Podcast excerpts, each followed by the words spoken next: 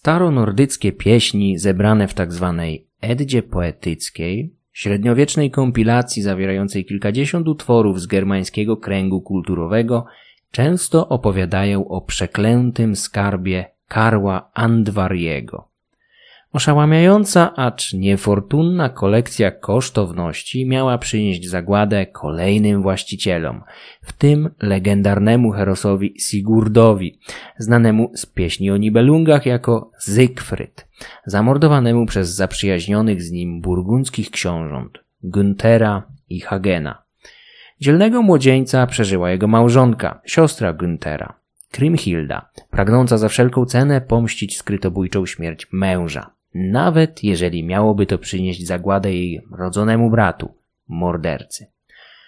Fabuła staronordyckich legend, jak i późniejszej pieśni o Nibelungach nieubłaganie zmierza ku zagładzie większości bohaterów, którzy spotkają się na dworze króla Hunów, Atliego, bądź Ecela.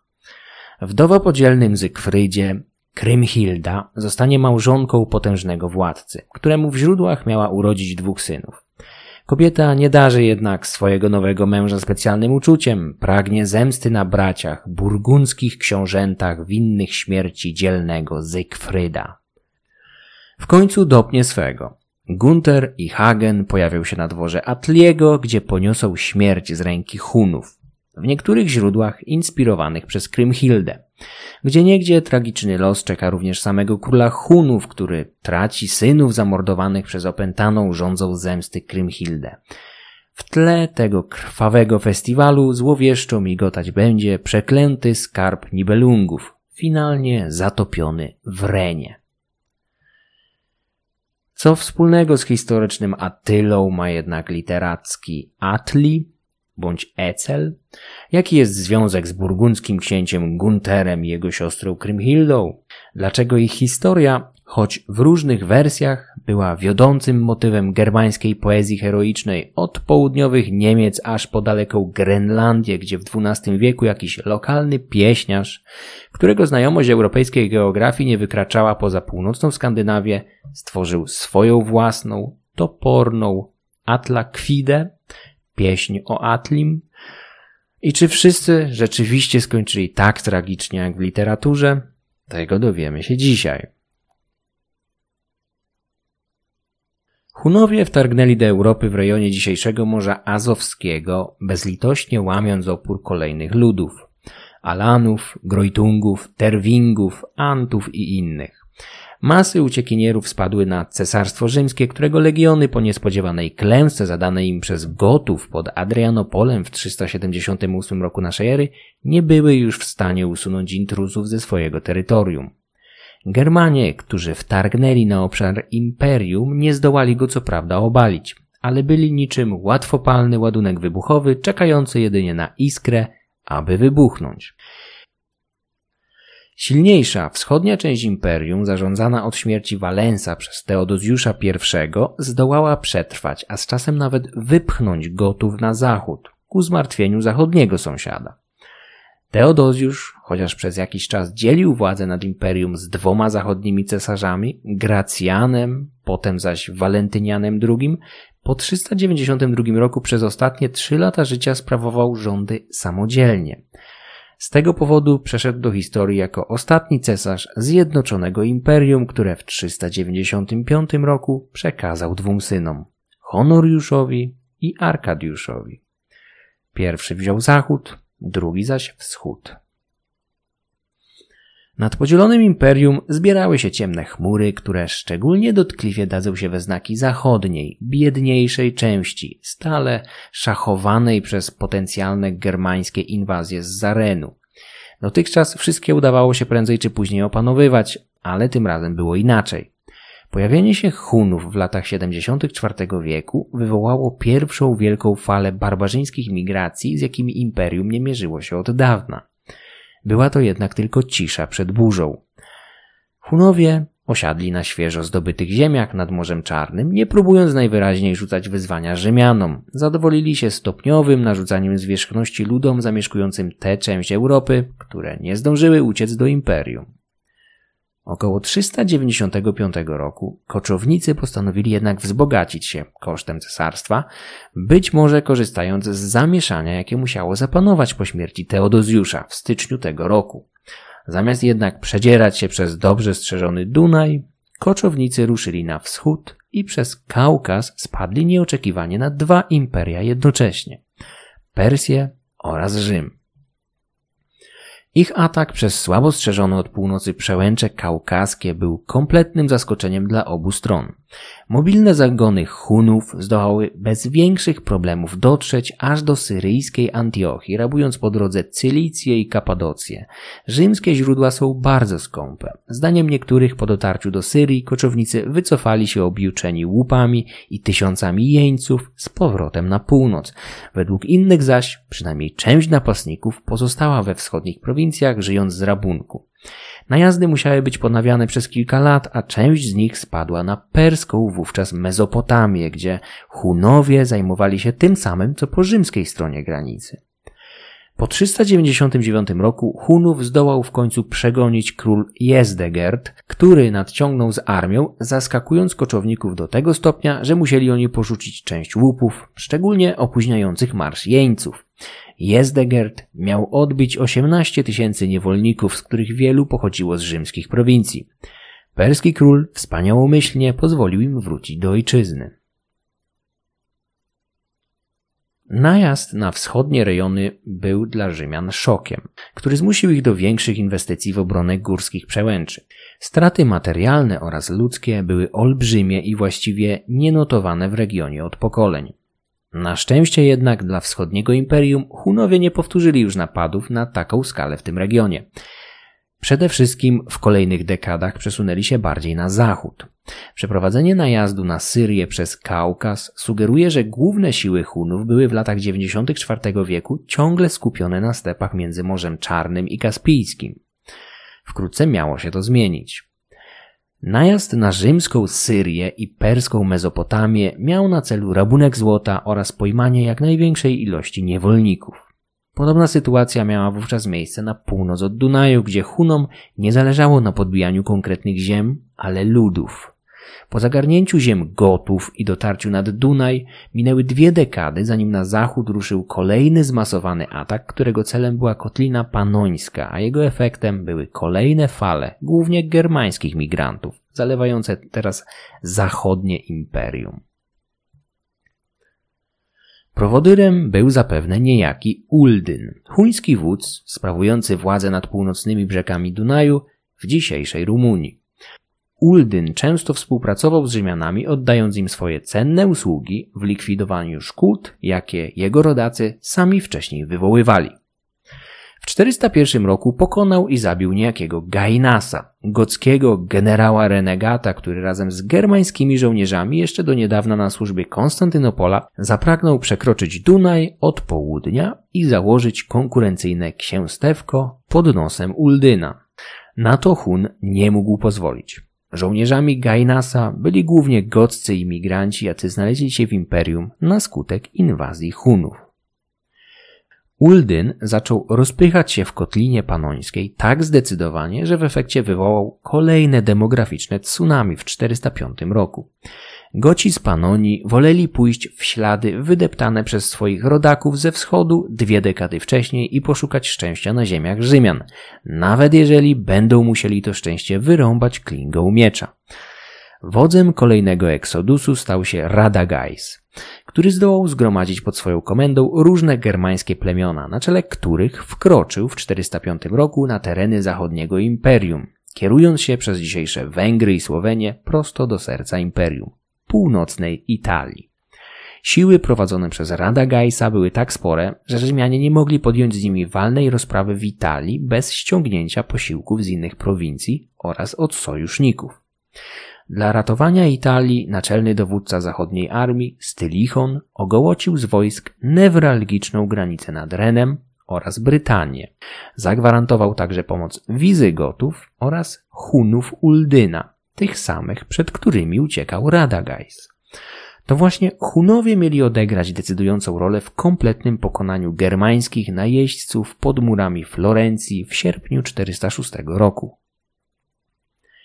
Radagajsa ścięto. Większość jego ludzi sprzedano w niewolę, zaś część wcielono do osłabionej armii rzymskiej. To nie był jednak koniec problemów. Na ogołocone północne granice, szczególnie te nad Renem, prędko spadli inni, głównie Germanie, również uciekający przed Hunami. Tych najeźdźców, w przeciwieństwie do Gotów Radagajsa, nie udało się już wygnać z imperium. Galię zalali Wandalowie, Alanowie, Swebowie i Burgundowie. Wielu z nich przekroczyło Ren 31 grudnia 406 roku, czyniąc tym samym wspaniały prezent noworoczny Rzymianom. Na północy zapanował chaos. Od cesarstwa ostatecznie odpadła wówczas, choć niechętnie, Brytania. Za koniec rzymskiej władzy na Wyspach Brytyjskich uważa się list cesarza Honoriusza z 410 roku, w którym na prośbę o przysłanie regularnego wojska dla wsparcia mieszkańców przed najazdami odpowiedział, że powinni bronić się sami. Naczelny wódz armii zachodnio-rzymskiej i przez pewien czas realny władca tej części imperium, Flaviusz Stylichon, przypłacił ten chaos życiem, swoim oraz całej rodziny. Rezygnacja z zamorskiej kolonii, przynoszącej zawsze tylko straty finansowe, była zrozumiała. Gdy Honoriusz pisał list do Rzymian z Brytanii, Goci Alaryka plądrowali Rzym. Co prawda, miasto nie było już stolicą zachodniego cesarstwa. Te funkcje sprawowała łatwiejsza do obrony Ravenna, ale zdobycie Rzymu przez Gotów było olbrzymim wstrząsem psychologicznym dla współczesnych. W końcu miasto nie uległo zewnętrznym wrogom od najazdu Galów 800 lat wcześniej. Nie istniało wtedy zjednoczone chuńskie imperium ale postacie takie jak Uldyn czy jego następca Haraton dowodzą, że wśród koczowników bywali równi i równiejsi. Po 405 roku Hunowie zdołali uzależnić od siebie kolejne plemiona szeroko pojętej Germanii, powodując jednocześnie kolejną falę migracyjną, o której przed chwilą wspomniałem. Nie wszystkim w Germanii podobała się wizja dominacji stepowych koczowników. Wielu wolało ryzykowną tułaczkę. Paradoksalnie, drugi etap chuńskiej ekspansji w centrum Europy dał Rzymianom kilka dekad wytchnienia od kolejnych migracji, ponieważ, jak wspomniałem, koczownikom nie zależało na ziemiach, ale na zamieszkujących je ludziach, których za żadną cenę nie chcieli już wypuścić z rąk.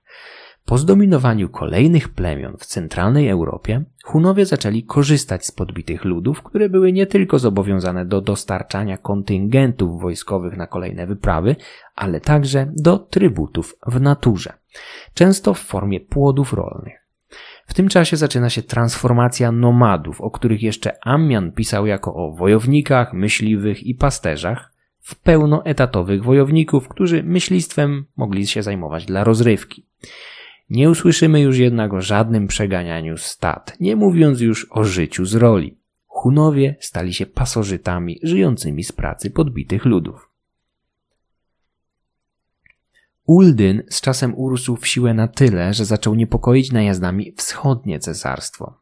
Ale Rzymianie, nie mogąc pokonać go definitywnie w boju, uciekli się do przekupstwa. Dyplomaci z Konstantynopola zdołali podczas przedłużających się negocjacji przeciągnąć na swoją stronę tak dużą część sił Uldyna, głównie germańskich skirów, że on sam musiał prędko uciekać za Dunaj z resztkami. Nieudany najazd na Bizancjum był prawdopodobnie gwoździem do trumny ambitnego wodza, który znika z radaru historyków gdzieś po 410 roku.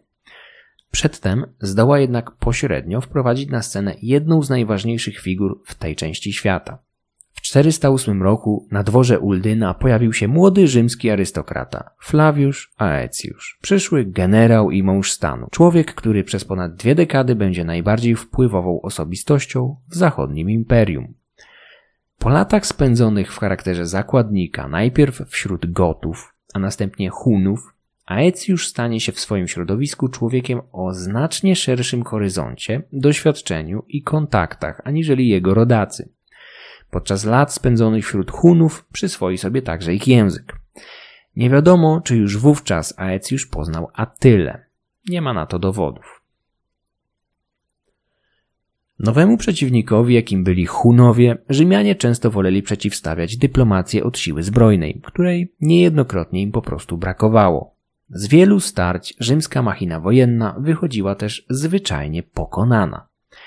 Przekupstwo takie jak w przypadku ludzi Uldyna nie było jedynym sposobem działania Rzymian. W 412 roku miało miejsce rzymskie poselstwo do Hunów, o którego efektach nie wiemy nic poza tym, że dziwnym zbiegiem okoliczności wizyta dyplomatów przyniosła śmierć jednego z chuńskich wodzów, niejakiego Donata.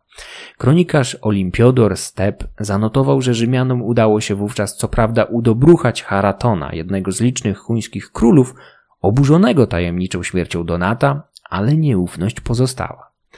Za kilka dekad Rzymianie w podobny sposób będą starali się pozbyć samego Attylii. Tym razem jednak przeliczą się. Uldyn i Haraton zniknęli z kart historii zastąpieni kolejnymi chuńskimi wodzami. Podczas kilkunastu lat relatywnego spokoju pomiędzy koczownikami a dwoma cesarstwami. Hunowie w tych czasach konsolidowali swoje władztwo w krainach, które Rzymianie zwali Germanią, ciągnącą się od Renu do Wisły, i Scytią bądź Sarmacją, na wschód od tej rzeki. Po Haratonie wspólną władzę nad koczownikami mieli sprawować dwaj bracia, Rua i Oktar. Charakterystyczne dla Hunów dwuwładztwo miało się jeszcze pojawić podczas rządów Attylii i Bledy. W obu wypadkach nie jesteśmy jednak w stanie wytłumaczyć charakteru tego ustroju. Być może władza ta miała zasięg geograficzny i każdy z braci panował nad plemionami z określonego obszaru. Oktar i Rua mieli mieć jeszcze co najmniej dwóch braci, Mundżuka i Ebarziusa, ale nie sprawowali oni władzy równej tym pierwszym. To jednak synowie Mundżuka, Bleda i Atyla mieli objąć władzę po wujach, gdy ci już zejdą z tego świata. W latach dwudziestych zagony koczowników zaczęły coraz częściej penetrować naddunajskie prowincje Cesarstwa Wschodniego, a w 422 zbliżyli się nawet do samego Konstantynopola. Mogli co najwyżej zagrozić przedmieściom metropolii nad Bosforem, gdyż miasto od niemal dekady cieszyło się najpotężniejszymi murami obronnymi na kontynencie. Budowę murów Teodozjusza, nazwanych tak od imienia urzędującego wówczas cesarza, rozpoczęto jeszcze pod rządami jego ojca Arkadiusza, a prace zajęły kilkanaście lat. Potrójne mury z szeroką fosą ciągnęły się na blisko 10 kilometrów, kompletnie odcinając miasto od zewnętrznych zagrożeń.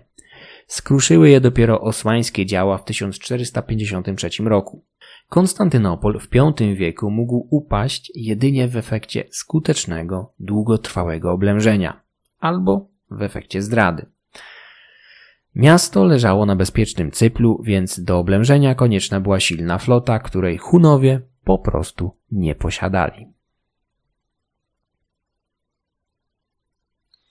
Koczownicy Ruły i Oktara ograniczyli się do systematycznego rabunku Tracji i Mezji, a bezsilni Rzymianie w końcu zaoferowali pokój. Hunowie zagwarantowali sobie dość przyzwoity układ, na mocy którego mieli otrzymywać rocznie 350 funtów złota tytułem daru od cesarza wschodu. Poza tym Rzymianie mieli udostępnić im swoje naddunańskie targowiska. Wszystkie układy pomiędzy Hunami a wschodnim cesarstwem będą dotykać kwestii udogodnień handlowych, które zapewniały obu stronom duże zyski, chociaż większą wagę przykładali do nich koczownicy. Dzięki otwarciu handlu Hunowie mogli zaopatrywać się we wszystkie niezbędne towary, w tym także te luksusowe, zaś Rzymianie bardzo szybko odzyskiwali złoto przekazywane w ramach trybutu. Oczywiście cesarstwo było stratne, ale nie była to dla niego jeszcze katastrofa. Coroczny haracz był znacznie skromniejszy aniżeli utrata wpływów podatkowych i obywateli zaatakowanych prowincji.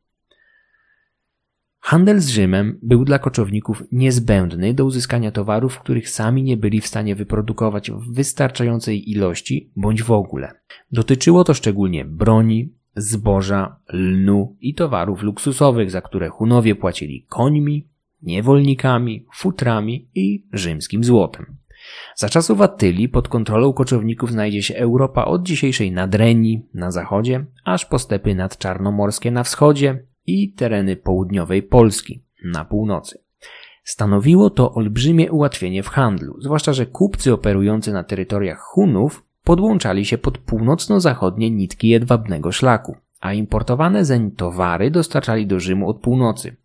Obie strony zdawały sobie sprawę z zysków, chociaż strefa wolnego handlu była istotniejsza dla Hunów, w pewnym sensie uzależnionych gospodarczo od rzymskiego wroga. Rua i Oktar panowali razem przez kilka lub kilkanaście lat. Pierwszy ziemski padł opuścił Oktar, ginąc podczas wyprawy przeciwko Burgundom w 430 roku. Władza spoczęła w rękach jego brata, ale i po niego upomniało się przeznaczenie. Grecki kronikarz Sokrates Scholastyk pisał, że młody, pobożny cesarz Teodozjusz II miał wymodlić u stwórcy błyskawicę, która pewnego dnia zabiła Hana barbarzyńców.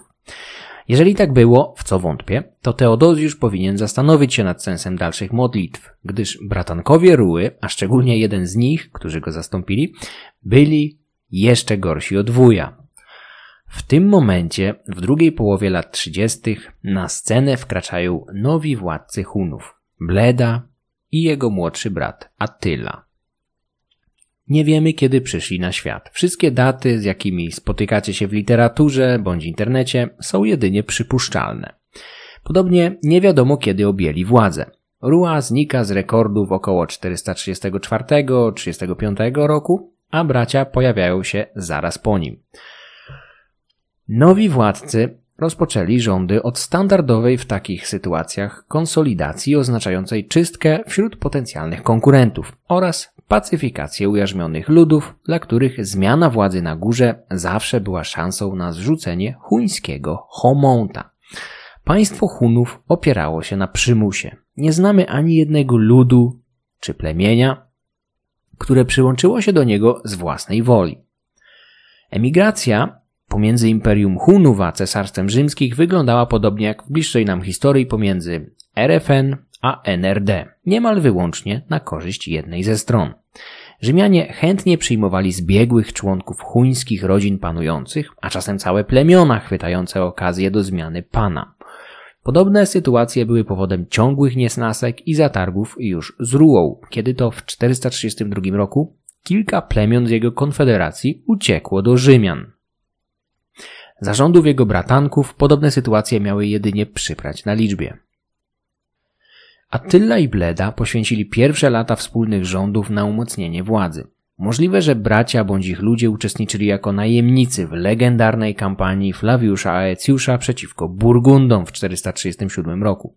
Kampanię ową określam jako legendarną, ponieważ chociaż niemal nic o niej nie wiemy, to na trwałe zagościła w starogermańskiej, a następnie europejskiej tradycji literackiej poprzez postać Guntera, burgundzkiego księcia, z którego rozkazu zamordowano Herosa Zygfryda.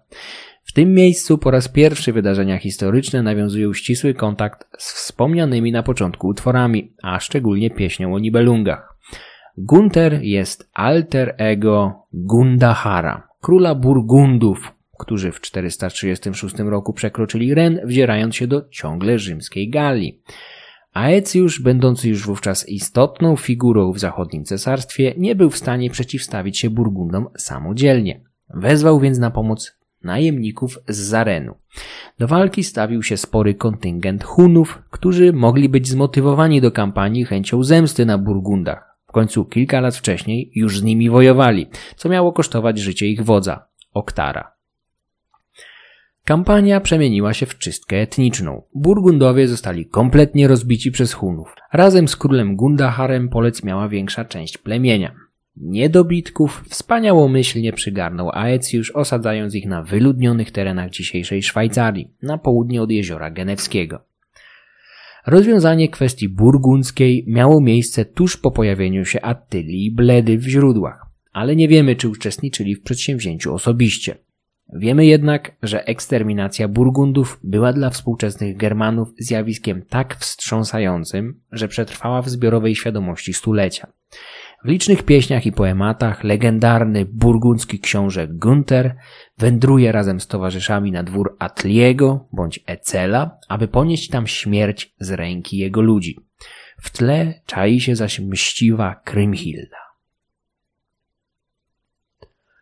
Hunowie utrzymywali wręcz wzorowe relacje z Cesarstwem Zachodnim, a szczególnie z Aecjuszem, który błyskawicznie piął się po szczeblach kariery w rozsypującym się gmachu imperium.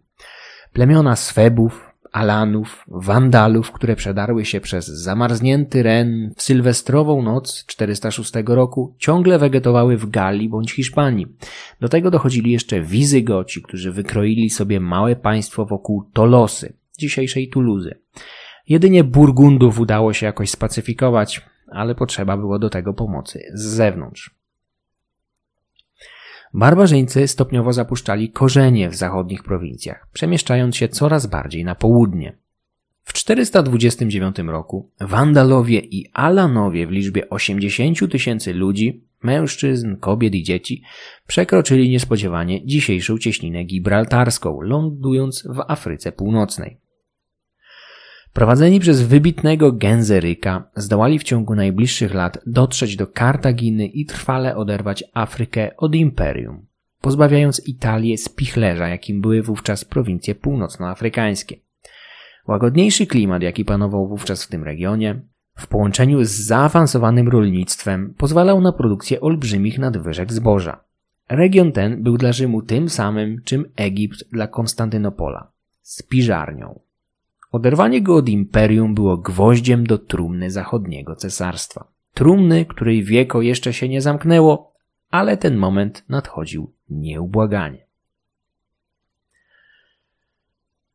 Rozpadające się imperium generowało mnóstwo konfliktów, przewrotów i walk wewnętrznych.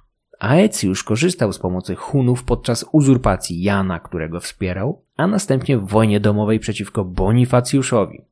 Kronikarze notują, że rzymski mąż stanu miał sprowadzić na pomoc Janowi 60 tysięcy Hunów, co jest liczbą z pewnością przesadzoną, być może nawet dziesięciokrotnie. Hordy najemników ze wschodu stały się nieodłącznym elementem zachodnio-rzymskiej polityki oraz przeciwwagą dla silnych Wizygotów. Aecjusz zrozumiał, że przetrwanie Cesarstwa Zachodniego oraz jego własnej osoby zależy od utrzymania delikatnego balansu polegającego na szachowaniu Gotów Hunami. Najpóźniej w latach 30. resztki rzymskiej prowincji Panonii zostały przez Aecjusza scedowane Hunom jako rekompensatę za pomoc w licznych wojnach domowych na zachodzie. Pokojowe stosunki z zachodnim cesarstwem kontrastowały wobec wyraźnie wojowniczego nastawienia, jakim darzono wschodnie imperium. Attila i Bleda, a później już tylko ten pierwszy, najeżdżali ziemię podległe władzy Teodozjusza II kilka razy. Lata 45 wieku miały być jednymi z najcięższych w historii rzymskich Bałkanów. Na początku nic nie zwiastowało eskalacji wrogości. Tuż po objęciu władzy w 435 roku dwaj bracia spotkali się z rzymskimi dyplomatami nad Dunajem w okolicy miasta Margus, aby wyjaśnić sporne kwestie oraz odnowić traktat zawarty kilka lat wcześniej przez Ruę. Negocjacje, jak zwykle w takich sytuacjach, prowadzono z siodła. Hunowie zdołali wynegocjować podwojenie trybutu do 700 funtów złota rocznie, zagwarantować wolność handlu w nadgranicznych miastach, uzgodnić kwestię zwrotu uciekinierów oraz ustalić stałą cenę wykupu rzymskich jeńców na 8 solidów od głowy. Za czasów Ruły jeńców wykupowano za dwa solidy. Uciekinierami, jakich mieli zwrócić Rzymianie, byli z pewnością członkowie szlachetnych chuńskich rodzin, być może krewniacy nowych władców bądź członkowie dawnych rodzin panujących. W późnych latach 30. bracia zdołali ostatecznie skonsolidować chuńskie plemiona, co nie obyło się bez starć z możnymi rodami, które niekoniecznie pragnęły ugiąć się przed autokracją. Tradycją Hunów była daleko pojęta niezależność, o czym wspominał jeszcze Ammian w latach 94 wieku. Kilka dekad później, na skutek licznych zwycięskich wojen, ujarzmienia wielu plemion oraz nieprawdopodobnego wzbogacenia się Hunów na skutek rabunku Bałkanów, doszło do olbrzymich zmian w obrębie ich społeczności. Wraz z napływem bogactw musiała się wykształcić elita, bardziej kontrastująca z ogółem. Historyk Priskos określa tych ludzi greckim terminem logades, oznaczającym kogoś wybranego, wskazanego wśród ogółu. Logadami byli najbliżsi współpracownicy Attyli, niektórzy sprawujący ważne funkcje na jego dworze, inni zaś będący namiestnikami wśród podbitych ludów. Utrzymanie multietnicznego konglomeratu, jakim było imperium ciągnące się od dzisiejszych środkowych Niemiec do Dniestru, bądź jeszcze dalej na wschód, wymagało jakiejś kooperacji ujarzmionych ludów. Tę udało się uzyskać wciągając ich elity do korzystania ze strumienia bogactw, jakie płynęły z najazdów i haraczy, egzekwowanych głównie od wschodnich Rzymian. W grobach z kotliny panońskiej pochodzących z V wieku odkryto olbrzymią dysproporcję objawiającą się w ilości złota w nielicznych, elitarnych pochówkach kontrastującą ze skromnością całej reszty. Wiele z tych grobów należało do ludów germańskich i obrazowało skokową zmianę w stosunku do wcześniejszych zwyczajów grzebalnych tych plemion. Germanie w pierwszych wiekach naszej ery nie wykazywali dużej stratyfikacji społecznej, co podkreślali pisarze pokroju Tacyta, a co potwierdziły wykopaliska. Bogata elita zaczęła się wykształcać w okolicach III-IV wieku, zapewne na skutek udanych wypraw, kontaktów handlowych oraz dzięki darom i haraczom otrzymywanym od Rzymian. Nawet wtedy w grobach zaczęło się pojawiać głównie srebro i to nie w zawrotnej ilości. Przełom przyszedł w V wieku, a spowodowany był sukcesami w najazdach na bałkańskie domeny Konstantynopola oraz wieńczącymi je układami dyplomatycznymi. Efektem było wykształcenie się wspomnianych Eli. Imiona niektórych z nich znamy głównie z relacji Priskosa. Podporę rządów Hunów stanowili ludzie tacy jak jego sekretarz Orestes oraz Edekon, Skotas, Onegezjusz. Ten ostatni miał być prawą ręką Attyli, człowiekiem zasiadającym po jego prawicy podczas oficjalnych uczt na miejscach zaszczytniejszych nawet od synów władcy bądź członków jego rodziny. Ustalenie pochodzenia wyżej wymienionych wodzów jest problematyczne we wszystkich wypadkach, za wyjątkiem Orestesa. Rzymianina z Panonii, który po przekazaniu tej prowincji Hunom przez Aecjusza nie wyemigrował z niej. Zamiast tego zgłosił się na służbę do koczowników, oddając im znaczne usługi. W ciągu najbliższych dekad Orestes zrobi też zawrotną karierę, chociaż jej szczyt przypadnie dopiero na lata 75 wieku, kiedy to jego syn Romulus zostanie ostatnim cesarzem zachodniego imperium. A to Orestes przez krótki okres będzie sprawował tam realną władzę. Kolejna postać z tego grona, Edekon, jest uważany za Huna bądź germańskiego Turynga, Wiemy, że po upadku swojego chlebodawcy został wodzem germańskich skirów, co też może być pewną sugestią co do jego pochodzenia, chociaż z drugiej strony nie możemy wykluczyć, że przewodził im nawet będąc cudzoziemcem. Edekon, podobnie jak Orestes, doczeka się syna, który zrobi bardziej spektakularną karierę od ojca. Jego dzieckiem będzie bowiem Odoaker, pierwszy germański król Italii. Jakby mało tego, Odoaker w 476 roku zabije Orestesa, czyli kolegę z pracy swojego ojca, a następnie zdetronizuje jego syna Romulusa, wspaniałomyślnie pozwalając nieszkodliwemu chłopcu zachować życie. Epoka wędrówek ludów jest czasem niebywałego chaosu, który owocował spektakularnymi karierami oraz jeszcze efektowniejszymi upadkami, czasem niemal z dnia na dzień. Orestes i Edekon, zaufani ludzie Attyli, razem posłowali w jego imieniu do Konstantynopola w 449 roku. Wykryli także rzymski spisek na życie wodza, o którym opowiem wkrótce. Jadąc wówczas do stolicy wschodniego imperium, ci dwaj mężczyźni nie mogli się spodziewać, jak potoczą się dalsze losy ich synów oraz ich samych. Zresztą Romulus, ostatni cesarz zachodniego Rzymu, urodził się dopiero kilkanaście lat później. Orestes z pewnością nie podejrzewał, że syn Edekona zamorduje go za 27 lat. Attila dbał o interesy swoich najbliższych współpracowników, a wysyłanie ich w charakterze posłów na dwór rzymski miało na celu napełnienie kiesy Hana oraz ich samych. Wręczanie drogocennych darów posłom było wówczas nieodłącznym elementem dyplomacji, a bycie członkiem misji dyplomatycznej na dworze konstantynopolitańskim zawsze wiązało się z licznymi prezentami oraz łapówkami otrzymywanymi od Rzymian. Posłowie musieli część z nich zwracać potem Attyli, znanemu z drobiazgowości w pilnowaniu swoich interesów. Pokój w Margus z 435 roku nigdy nie został w pełni zrealizowany. Co prawda, Rzymianie od razu wydali Hunom zbiegów, wśród nich byli dwaj książęta o egzotycznych imionach Mama i Atakam, którzy zostali błyskawicznie ukrzyżowani. Ale z innymi warunkami nie było już tak łatwo. Rzymianie nie wydali Hunom plemion, które uciekły spod ich panowania rok wcześniej. Teodozjusz nie zamierzał również płacić podwojonego trybutu. Attila i Bleda, zajęci konsolidacją swojej władzy, nie byli w stanie zareagować od razu. Konstantynopol był ciągle zbyt silny. Czekali jednak na stosowną chwilę, a ta nadeszła w 440 roku. Wschodnie cesarstwo uwikłało się wtedy w militarną ekspedycję przeciwko Wandalom Genzeryka, organizowaną przez zachodnie cesarstwo. Jakby tego było mało, Persowie spadli z nienacka na wschodnie granice imperium, zmuszając Konstantynopol do ogołocenia linii Dunaju. Hunowie nie mogli przegapić takiej okazji.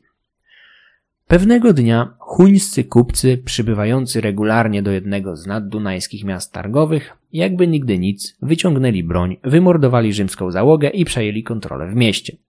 Protesty rzymskich posłów Hunowie zakrzyczeli długą litanią swoich żalów. Za bezpośrednią przyczynę interwencji uznali świętokradztwo, jakiego miał dopuścić się biskup miasta Margus na grobach chuńskich królów.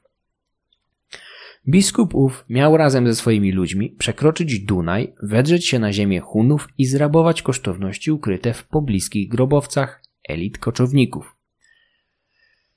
Nie wiadomo na ile te oskarżenia były prawdziwe. Bardzo możliwe, że tkwiło w nich sporo prawdy, a biskup Margus nie był bez winy. Patrząc na rozwój wypadków, do jakich doszło w kolejnych miesiącach, podejrzanego biskupa można oskarżać o najgorsze motywy. Hunowie przedstawili nowe żądania, w tym wydania krnąbrnego duchownego w ich ręce, a gdy Rzymianie odmówili, koczownicy w 441 roku przelali się przez Dunaj i zalali Bałkany. W ciągu kolejnych miesięcy w ręce Hunów wpadły m.in. Viminacium oraz Sirmium, miasta leżące w dzisiejszej Serbii, wówczas ważne węzły komunikacyjne, handlowe i obronne. Zagłada miast była kompletna. Ludność wymordowano lub wzięto w niewolę. Niektórych rzymskich jeńców spotkał jeszcze w 449 roku na dworze Attylli Priskos. Upadek ważnych miast zmusił Konstantynopol do odwołania armii z Sycylii, ale na nic się to nie zdało. Tymczasem ludność oblężonego Margus postanowiła sama oddać problematycznego biskupa w ręce koczowników. Nie zdążyła jednak, gdyż sprytny duchowny, czując pismo nosem, sam nawiązał rokowania z Hunami, obiecując w zamian za własne bezpieczeństwo wydanie im miasta razem z jego owczarnią. Nie wiemy jak tego dokonał, czy przekonał ludzi do dobrowolnego otwarcia bram, czy też umożliwił wdarcie się Hunom bez wiedzy mieszkańców. W każdym razie Margus podzieliło los poprzednich miast. Hunowie obrócili je w perzynę. Dalsze losy miejscowego biskupa nie są znane. Zagłada miast bałkańskich była ostrzeżeniem dla Konstantynopola. Koczownicy celowo zrównali je z ziemią, aby wywołać silny efekt psychologiczny. Niektóre z nich, w tym Viminacium, leżały w ruinie jeszcze sto lat później, o czym wspominał w VI wieku Prokopiusz z Cezarei. Rzymianom udało się w końcu wynegocjować zawieszenie broni trwające do 447 roku. W jego ramach potrojono roczny haracz do 2100 funtów złota. Zobowiązano się także do wydania zbiegów, zwłaszcza krewnych Attyli, ale ten punkt zrealizowano połowicznie. Większość z nich nie chciała wracać na północ, wiedząc, że czeka ich tam pewna śmierć. Rzymianie wymordowali opornych własnoręcznie, a potem zaprezentowali ich Skotasowi. Skotas zaakceptował taką formę realizacji postanowień traktatu pokojowego.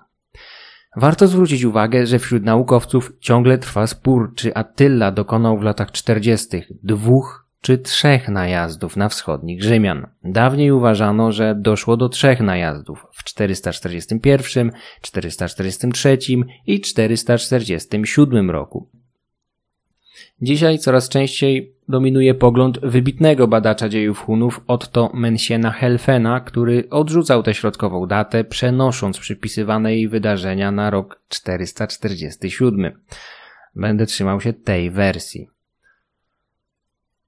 Pokój wynegocjowany po pierwszym najeździe nie trwał długo. Rzymianie ściągnęli siły z innych frontów, wzmocnili fortyfikacje i prędko, bo już w 443 roku przestali uiszczać haracz należny Hunom. Cesarska rodzina miała przetapiać swoje złoto celem bicia monet dla zaciągu nowych oddziałów. Wydano specjalne dekrety nakazujące budowę fortyfikacji oraz utrzymywanie w gotowości bojowej znacznych sił nad Dunajem. Hunowie nie zainterweniowali od razu prawdopodobnie zatrzymani kłopotami wewnętrznymi. Około 445 roku świat żywych opuścił starszy z braci, Bleda. Większość kronikarzy jest zgodna w diagnozie przyczyny śmierci Huna, wskazując na młodszego brata, Attylę. O Bledzie nie wiemy wiele, poza kilkoma szczegółami zdradzającymi, że najprawdopodobniej był kompletnym przeciwieństwem swojego sławniejszego brata. Podczas najazdu z 441 roku w ręce Bledy wpadły liczne łupy. Wśród nich rzymski obywatel i karzeł zarazem o imieniu Zerkon. Na dworze nowego pana Zerkon prędko zaczął pełnić rolę błazna, w czym pomagała mu wrodzona elokwencja i nieprzeciętne poczucie humoru. Idylla nie trwała jednak długo i tak jak niemal każdy jeniec Hunów, tak i Zerkon zapragnął uciec ze złotej klatki, jaką stał się dla niego dwór bledy. Próba ucieczki nie udała się jednak i pościg zdążył pojmać nieszczęsnego Zerkona, który w pętach trafił z powrotem na dwór bledy. Hun miał być z początku wściekły na swojego ulubieńca, któremu gotował nędzny los, ale prędko zmienił zdanie. Gdy zapytał Karła, dlaczego ten chciał opuścić swojego pana, Zerkon odparł rezolutnie, że pragnął znaleźć sobie kobietę, a Bleda nie raczył mu w tym pomóc. Starszy brat Atylli, urzeczony bystrością Zerkona, nie tylko darował mu życie, ale wręcz spełnił jego życzenie, błyskawicznie żeniąc go z jedną ze swoich dworzanek. Zerkon jest praktycznie jedynym światełkiem w tunelu o nazwie Bleda, gdyż to dzięki jego perypetiom wiemy to, co wiemy o jego charakterze. Musiał on stać w kompletnej opozycji do Attyli, który szczerze nie znosił błazna i nie ukrywał swojej niechęci. Brak innych wzmianek o Bledzie jest poszlaką kierującą do wniosku, że nie był po prostu nikim wybitnym. Być może blokował drogę aspiracjom ambitniejszego brata i musiał umrzeć. Bleda na pewno był żonaty, a jego małżonka przeżyła go co najmniej o kilka lat. W 449 roku podczas poselstwa Priskosa do Attyli rzymscy dyplomaci zatrzymają się na noc na dworze tej właśnie kobiety, której imienia nie zanotowano. Fakt, że przeżyła upadek swojego męża jest znamienny. Może świadczyć o wysokim znaczeniu kobiet z chuńskich elit albo tej konkretnej osoby. Hunowie praktykowali wielożeństwo, odnotowywane szczególnie wśród osób wysoko postawionych. Attila miał mieć niezliczoną ilość małżonek, konkubin, kochanek. Wiele z tych związków miało na celu nawiązywanie sojuszy. Żona Bledy mogła pochodzić z ważnej rodziny bądź plemienia, więc jej upadek po śmierci męża mógłby spowodować więcej problemów aniżeli korzyści. Po śmierci starszego brata Attila starał się wzmocnić swój wizerunek także symbolicznie. Pomógł mu w tym przypadek. Pewien chłop przeganiał swoje krowy na pastwisku, gdy zauważył, że jedna z nich zraniła się w nogę. Podążając za śladami krwi, natknął się na jakiś stary miecz, wystający z ziemi ostrzem do góry. Następnie zaniósł ów miecz na dwór Atylli, wręczając mu go z przekonaniem, że musi się w tym wszystkim kryć jakiś znak od sił nadprzyrodzonych. Wódz myślał podobnie. Z miejsca ogłosił, że jest to szczęśliwie odnaleziony miecz Boga Wojny, który trafił do niego podkreślając legalność jedynowładztwa, jakie roztoczył nad Hunami. Nie wiadomo na ile historia jest prawdziwa, być może nie było żadnego chłopa ani zranionej jałówki, a Attila sam z siebie wymyślił całą intrygę, aby dodatkowo wzmocnić swój prestiż wśród poddanych. Wykorzystał do tego jakiś stary, zardzewiały miecz. Po porażce w 441 roku Rzymianie podjęli starania mające na celu wzmocnienie obrony, ale nie zdały się one na wiele, gdyż w 447 Hunowie po uporządkowaniu wewnętrznych problemów przekroczyli Dunaj w niestrzeżonym miejscu i ponownie spadli na cesarskie domeny. Zaraz po przekroczeniu rzeki na drodze Attyli stanęła jedna z rzymskich armii polowych. Ten konflikt miał być odmienny od poprzedniej kampanii, podczas której Hunowie swobodnie grabili Bałkany, gdy armie Konstantynopola były na Sycylii i w Armenii.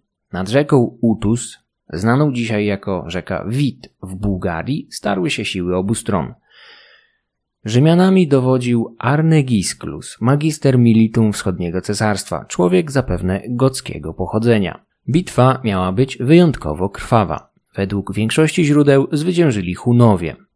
Arne Gisklus walczył dzielnie, najpierw z konia, a gdy zabito pod nim wierzchowca, także pieszo. Poległ razem z tysiącami innych po obu stronach. 22 lata później, niedaleko miejsca jego śmierci, bitwę z Hunami stoczy jego syn Anagast, który będzie miał okazję pomścić śmierć ojca, walcząc bezpośrednio z jednym z synów Attylii.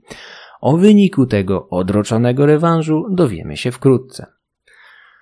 Po zwycięstwie nad Utus, okupionym ciężkimi stratami, Hunowie zdobyli i w swoim stylu zniszczyli do fundamentów Marcjanopolis, po czym ruszyli w głąb półwyspu. Tym razem podążali bardziej na wschód, plądrując prowincje, które nie doświadczyły poprzedniej inwazji. Pomagało im wszystko, nawet natura.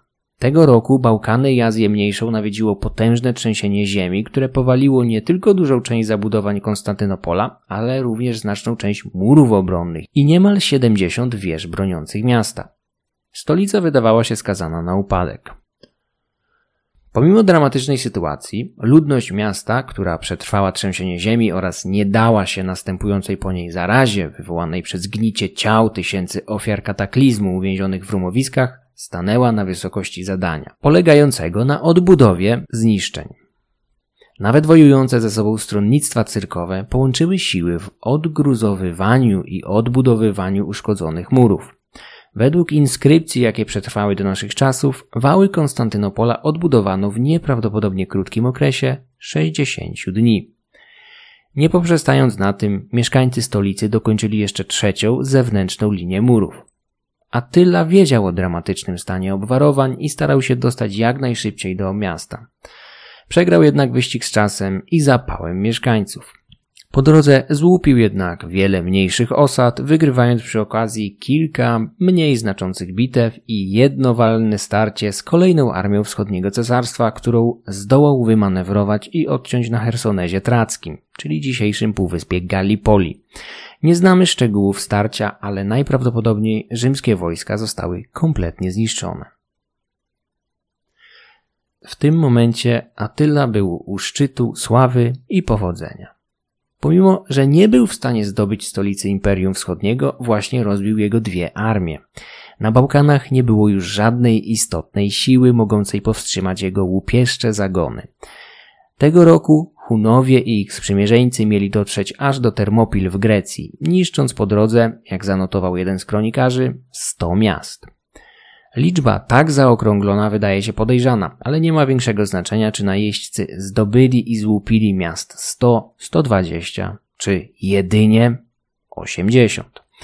Klęska Konstantynopola była kompletna. Już podczas poprzedniej inwazji Hunowie zaskakująco dobrze radzili sobie ze zdobywaniem obwarowanych fortec. Teraz bogatsi w doświadczenia jeszcze udoskonalili swoje umiejętności, zdobywając nawet umocnione Tesaloniki.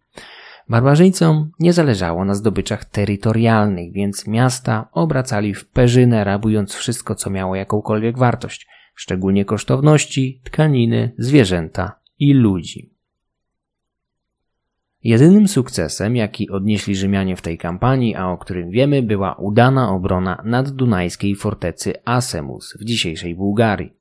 Obrońcy twierdzy dowiedzieli się, że w jej bezpośrednim pobliżu przechodzą Hunowie powracający z południa, obciążeni łupami i jeńcami. Dokonano brawurowego wypadu z fortecy, który zakończył się dla najeźdźców porażką. Przy niewielkich stratach własnych zdołano zabić oraz pojmać wielu Hunów, a także uwolnić licznych rzymskich jeńców. Attila oczywiście wpadł w furię i zażądał wydania wszystkich odbitych z konwoju jeńców oraz uwolnienia pojmanych Hunów. Obrońcy twierdzy odrzucili żądania, mówiąc, że uwolnili i wypuścili już wszystkich odbitych jeńców, zaś pojmanych Hunów za wyjątkiem dwóch zabili. Tych dwóch zgodzili się wydać w zamian za dwóch chłopców, pastuszków, jakich pojmali przechodzący w pobliżu Hunowie. Attila, nie widząc innej opcji, nakazał znaleźć tych dwóch chłopców i wymienić ich na pozostałych przy życiu Hunów. Historia zaginionych chłopców z Asemus wydaje się mało istotnym drobiazgiem, ale z powodu ich zaginięcia oraz nieustępliwości obrońców fortecy oraz Attyli wstrzymano całe negocjacje pokojowe między Konstantynopolem a Hunami. Ostatecznie chłopców pomimo poszukiwań nie odnaleziono, a ich los nie jest znany. Attila przysiągł jednak mieszkańcom Asemus, że szukał ich, a ci uwierzyli mu i wydali obu przetrzymywanych Hunów. Przysięgli również, że nie mieli już w mieście żadnych rzymskich jeńców zbiegłych od koczowników. Priskos zaznaczył jednak, że kłamali, ale pochwalił ich za to, doceniając, że w ten sposób uratowali tych ludzi. Tak czy inaczej, Rzymianie musieli dodatkowo zapłacić grzywnę za jeńców uwolnionych podczas wypadu z Asemus.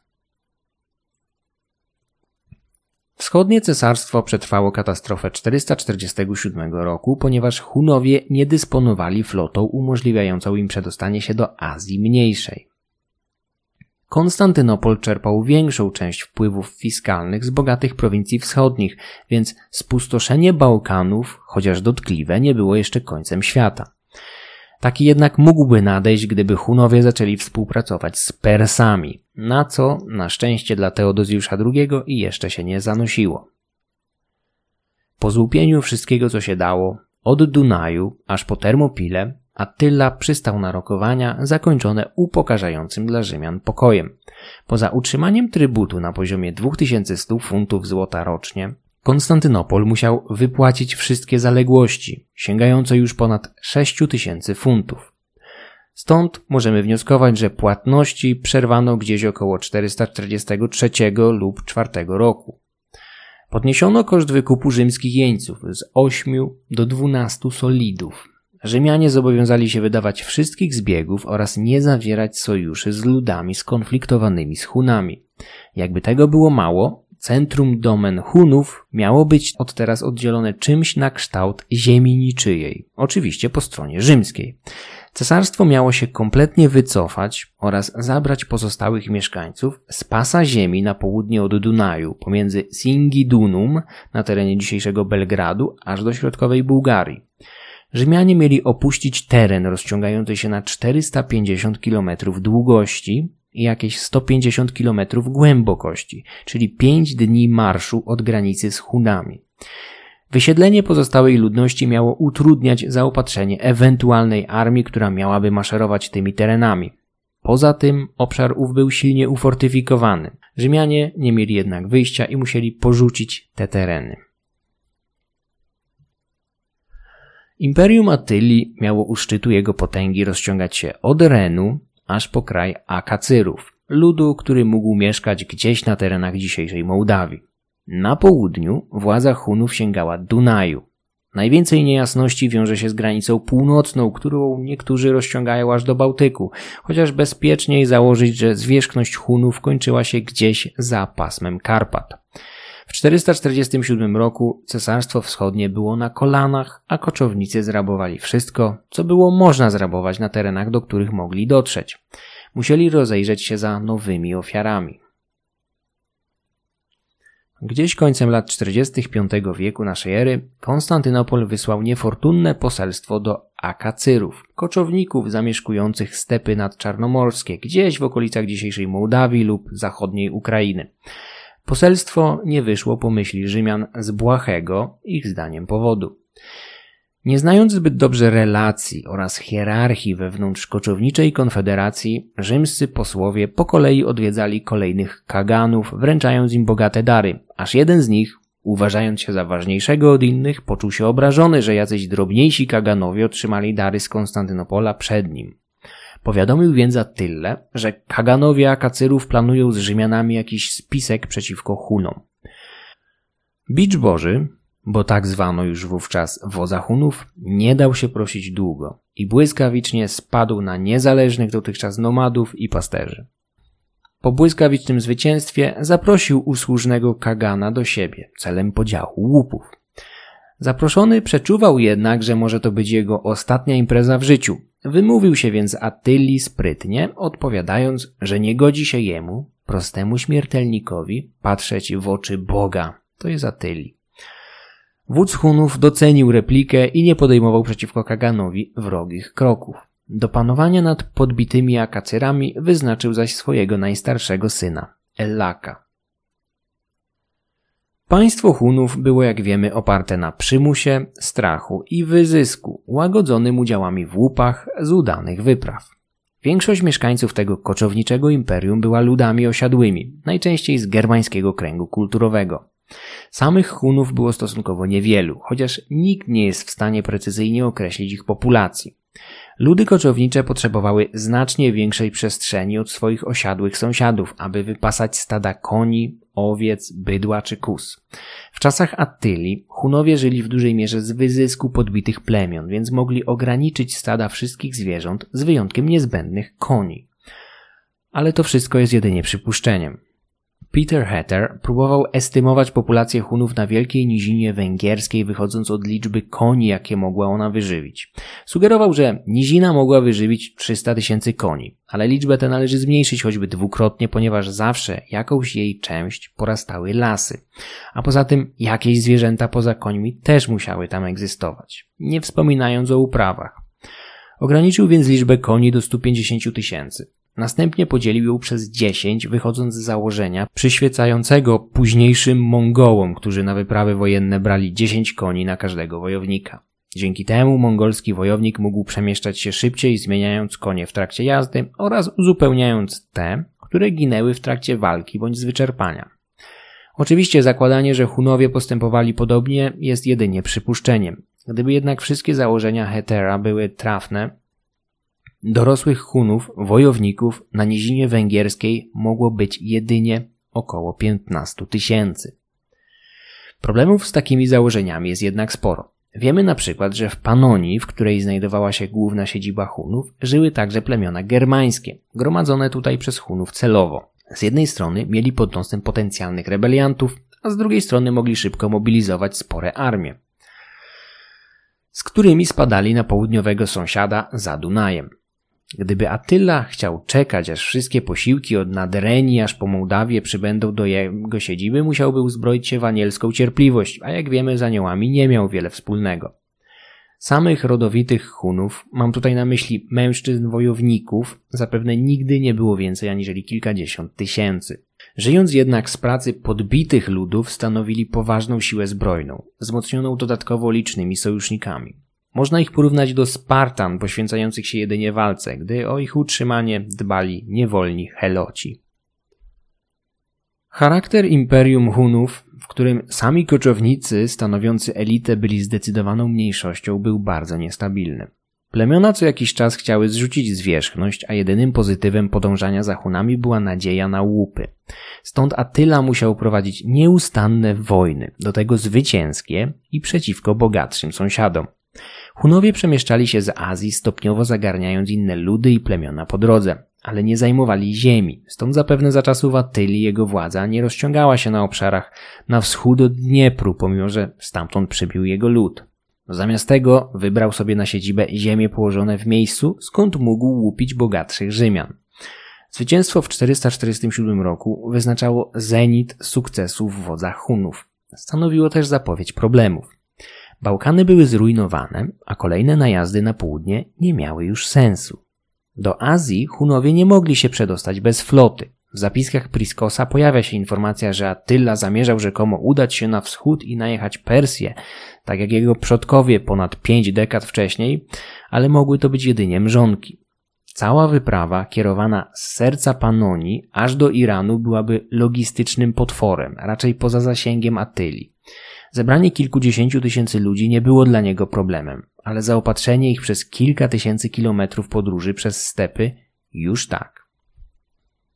Wszystkie kampanie Attylii, o których wiemy, prowadzone zarówno na Bałkanach, jak w Italii czy Galii, były prowadzone na znacznie mniejszej odległości od centrum jego imperium, aniżeli potencjalny najazd na Persję. Peter Hatter przyrównał zarządzanie Imperium Hunów do dosiadania tygrysa, jakim były wszystkie te odrębne ludy ujarzmione przemocą. Tygrys musiał ciągle jeść, w tym przypadku złoto. Rzymianie zdawali sobie z tego sprawę, więc gdy tylko czuli się na siłach, przestawali słać złoto, licząc, że wywoła to problemy w państwie Attylii, zmusi go do wykorzystania zapasów kruszcu, a finalnie może nawet wywoła jakieś rozruchy. Jednocześnie ciągle próbowali przeciągać na własną stronę podległe mu ludy bądź sąsiadów, takich jak wspomniani Akacyrowie. Nie zawsze z powodzeniem. W 447 roku Attila, uzależniony od zwycięskich, grabieżczych wojen, miał już tylko jeden kierunek, w jakim mógł podążyć zachód. Końcem lat 40. wysłannicy wodza zaczęli dyplomatyczne przepychanki z zachodnim cesarstwem i Wizygotami. Jednocześnie starali się nawiązać kontakty z Genzerykiem, wodzem Wandalów, który razem ze swoim ludem skutecznie zainstalował się w północnej Afryce i gnębił Italię morskimi najazdami. Dyplomacja Hunów była nastawiona na jątrzenie problemów rzeczywistych i wyimaginowanych. Celem takiej polityki było zdobywanie złota w ramach odszkodowań bądź prowokowanie kolejnych najazdów. Cesarz Teodozjusz co chwilę musiał przyjmować delegacje żądające zwrotu jakichś nieżyjących bądź wręcz nieistniejących zbiegów. Dyplomaci przybywający w tych misjach oczekiwali w rzeczywistości jedynie cennych darów, którymi dzielili się następnie za tylą. W poszukiwaniu złota wódz Hunów był niewiarygodnie wręcz drobiazgowy. Podczas najazdów na Bałkany wojska Hunów obległy jedno z tamtejszych miast. Miejscowy biskup, czując, że miasto może upaść, nawiązał kontakt z jednym z sekretarzy Attyli, Rzymianinem Konstancjuszem. Jest to kolejny obok Orestesa Rzymianin, który pracował dla wodza Hunów. Został zresztą polecony Attyli przez Aecjusza, z którym władca Hunów długo utrzymywał dobre relacje. Biskup wręczył Konstancjuszowi komplet złotych naczyń, prosząc go, aby po ewentualnym upadku miasta wykupił go z niewoli, a jeżeli biskup by zginął, aby przeznaczył kosztowności na wykup jak największej liczby zniewolonych mieszkańców. W przeciwieństwie do biskupa z Margus, ten nieco lepiej dbał o swoją owczarnię, chociaż nie przedkładał jej losu nad swój. Miasto upadło, ale Konstancjusz nie zamierzał wywiązać się z obietnicy. Złote naczynia przywłaszczył sobie, a bawiąc podczas jednej z misji w Italii sprzedał u lokalnego jubilera Sylwanusa. Karma była jednak bezlitosna, gdyż Attila w jakiś sposób dowiedział się, że Konstancjusz zamiast wykupić niewolników, a tym samym wzbogacić Hana, który ich pojmał, czyli Attylę, oczywiście sam się wzbogacił. Rzymianin został bezlitośnie ukrzyżowany przez Hunów a wysłannicy Attyli zjawili się w Rawennie, domagając się wydania Bogu ducha winnego Sylwanusa, którego Han Hunów określił mianem złodzieja. Jedyną zbrodnią tego człowieka było odkupienie cennych naczyń od Konstancjusza. Nie wiadomo, czy znał ich historię. Cesarz Walentynian III wysłał do Panonii swoich dyplomatów, starających się jakoś udobruchać Huna, oferując złoto w zamian za dawno już sprzedane bądź przetopione naczynia.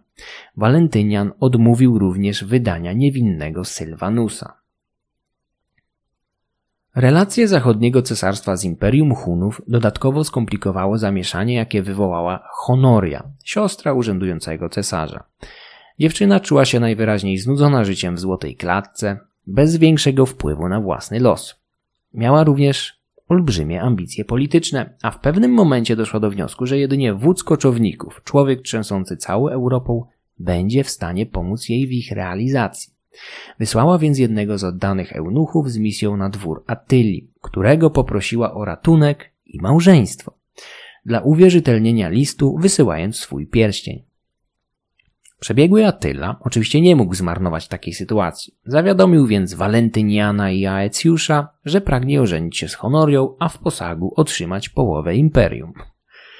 Miny członków grupy trzymającej władzę w Rawennie musiały być bezcenne. Pojmali człowieka, którego do Attyli wysłała Honoria, aby następnie wydusić od niego na torturach szczegółową relację o całym zajściu. Naturalnie następnie usunęli niewygodnego świadka.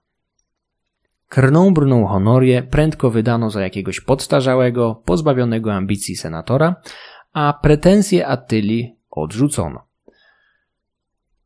Wódz Hunów właśnie otrzymał kolejny, obok złotych naczyń Sylwanusa, powód do rozpoczęcia wojny z zachodnim cesarstwem. Całe zajście z Honorią przypomina jakąś groteskową wariację legendy o księżniczce zamkniętej w niedostępnej, strzeżonej przez smoka wieży, czekającej na rycerza na białym koniu. Problem z tym, że Honoria prosiła o ratunek nie rycerza, ale smoka właśnie. Sąsiedztwo Attyli było delikatnie mówiąc nie do pozazdroszczenia.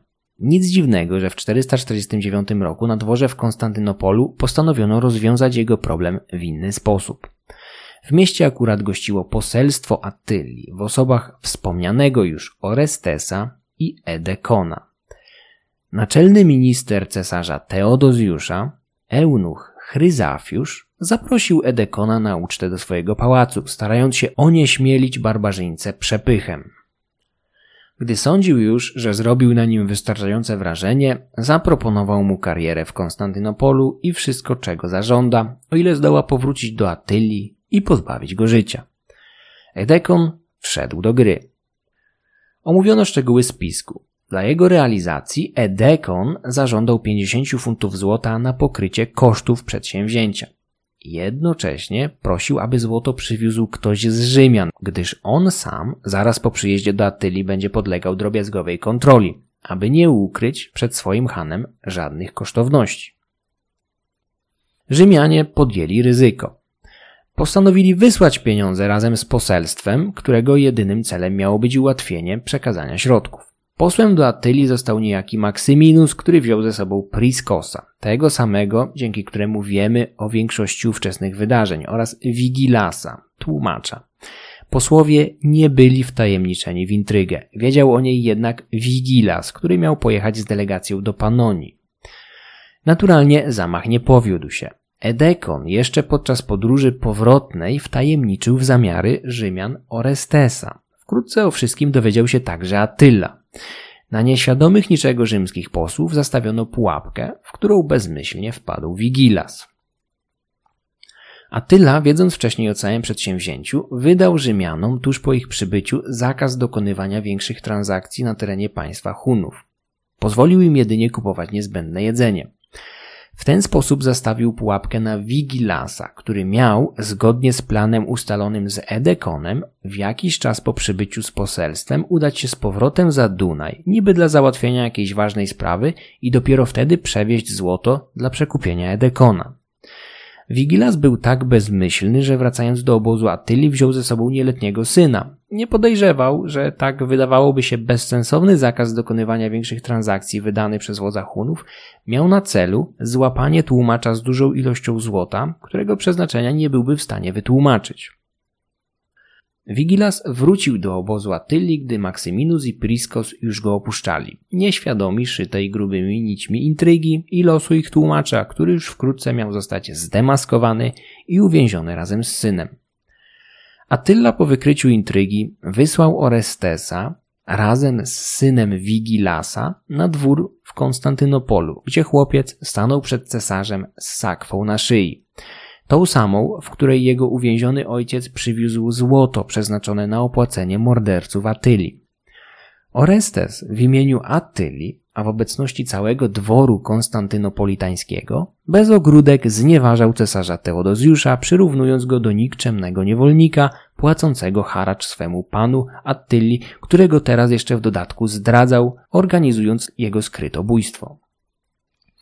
Po zniewag Orestes zażądał dodatkowych 50 funtów złota, poza tymi już zarekwirowanymi w zamian za życie Wigilasa, który ciągle czekał na uwolnienie. Attila chciał również dostać w swoje ręce Chryzafiusza, eunucha i inicjatora spisku, ale tego Teodozjusz odmówił. Hunowie w swoim stylu zadowolili się złotem oraz kolejnym podważeniem autorytetu Teodozjusza. Wigilasa zwolniono po jakimś czasie, Sposób, w jaki Attila rozegrał cały spisek, mówi o jego charakterze więcej aniżeli nie jedna relacja kronikarska. Spokojnie, gościł przez jakiś czas nieświadomych niczego dyplomatów, udawał wobec nich przyjaźń, a finalnie wypuścił ich wolno. Ze stoickim spokojem zastawił pułapkę na Wigilasa, który wjechał do jego obozu obładowany złotem, pomimo wcześniejszego zakazu wydawania pieniędzy na cokolwiek poza jedzeniem. Na koniec nie zabił tłumacza, ani jego syna, chociaż miał szczerze powiedziawszy do tego prawo. Zamiast tego zażądał od cesarza jeszcze więcej złota, po czym wypuścił wolno bezwartościowego Wigilasa. Attila był przebiegły, bezwzględny, ale jednocześnie bardzo opanowany. Potwierdza to naoczna relacja Priskosa, który spędził na dworze wodza Hunów jakiś czas, nieświadom, że jest częścią większej intrygi. Relacja Priskosa jest bezcennym unikatem, szczęśliwie zachowanym do naszych czasów. Autor napisał wysoko cenioną w swojej epoce historię Rzymu, z której zachowały się do naszych czasów jedynie nieliczne fragmenty. Siedziba Attyli miała się znajdować kilka dni drogi za Dunajem, na północ. Wódz miał co najmniej kilka podobnych obozowisk w swoim imperium, ale to, w którym gościł Priskos, mogło być najważniejszym. Na rozległej równinie znajdował się obóz otoczony palisadą, pełen drewnianych budynków, z których ten należący do Attyli był największym. Otaczała go dodatkowa palisada, chociaż bardziej ze względów reprezentacyjnych aniżeli praktycznych. Obok siedziby Attyli znajdowały się wille jego najważniejszych dostojników. Priskos widział wodza Hunów wjeżdżającego do swojego obozu na czele dworu. Zanotował, że na jego spotkanie wybiegły młode dziewczęta witające Attylę pieśnią. Po drodze zatrzymał się na moment przed dworem Onegezjusza, gdzie na jego spotkanie wyszła z kolei małżonka tego drugiego, częstując wodza winem i smakołykami. Attila jadł z siodła, jak przystało na dobrze wychowanego koczownika. Priskos, obserwując wodza Hunów wydającego wyroki na swoim dworze, podsumował go dość nieoczekiwanymi słowami.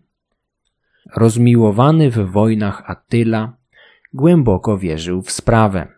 Twardy w radzie, pobłażliwy dla próśb i życzliwy dla tych, których przyjął pod swoją władzę.